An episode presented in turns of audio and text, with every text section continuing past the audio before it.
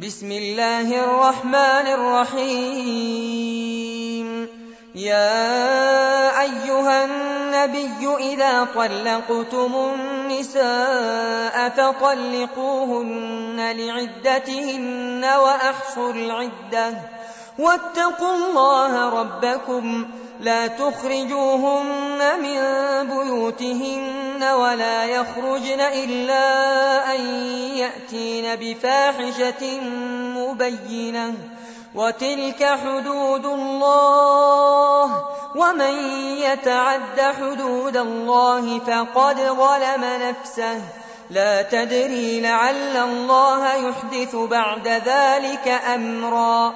فإذا بلغن أجلهن فأمسكوهن بمعروف أو فارقوهن بمعروف وأشهدوا ذوي عدل منكم وأقيموا الشهادة لله ذلكم يوعظ به من كان يؤمن بالله واليوم الآخر ومن يتق الله يجعل له مخرجا ويرزقه من حيث لا يحتسب ومن يتوكل على الله فهو حسبه إن الله بالغ أمره قد جعل الله لكل شيء قدرا واللائي يئسن من المحيض من نسائكم إن ارتبتم فعدتهن ثلاثة أشهر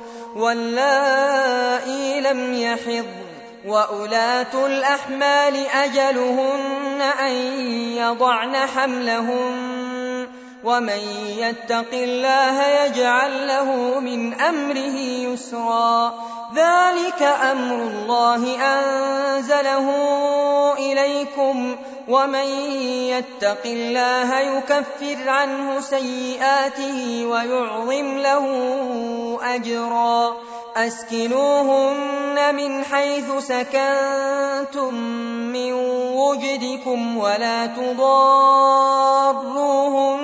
لتضيقوا عليهن وإن كن أولات حمل فأنفقوا عليهن حتى يضعن حملهن فإن أرضعن لكم فآتوهن أجورهن وَأْتَمِرُوا بَيْنَكُم بِمَعْرُوفٍ ۖ وَإِن تَعَاسَرْتُمْ فَسَتُرْضِعُ لَهُ أُخْرَىٰ لِيُنفِقْ ذُو سَعَةٍ مِّن سَعَتِهِ ۖ وَمَن قُدِرَ عَلَيْهِ رِزْقُهُ فَلْيُنفِقْ مِمَّا آتَاهُ اللَّهُ ۚ. لا يكلف الله نفسا إلا ما آتاها. سيجعل الله بعد عسر يسرا. وكأي من قرية عتت عن أمر ربها ورسله فحاسبناها حسابا شديدا وعذبناها عذابا نكرا فذاقت وبال أمرها وكان عاقبة أمرها خسرا أعد الله لهم عذابا شديدا فاتقوا الله يا أولي الألباب الذين آمنوا. قد أنزل الله إليكم ذكرا. رسولا يتلو عليكم آيات الله مبينات ليخرج الذين آمنوا وعملوا الصالحات من الظلمات إلى النور. ومن يؤمن بالله ويعمل صالحا يدخله جنات تجري من تحتها الأنهار خالدين فيها أبدا. قد أحسن الله له رزقا. الله الذي خلق سبع سماوات ومن الأرض مثلهم.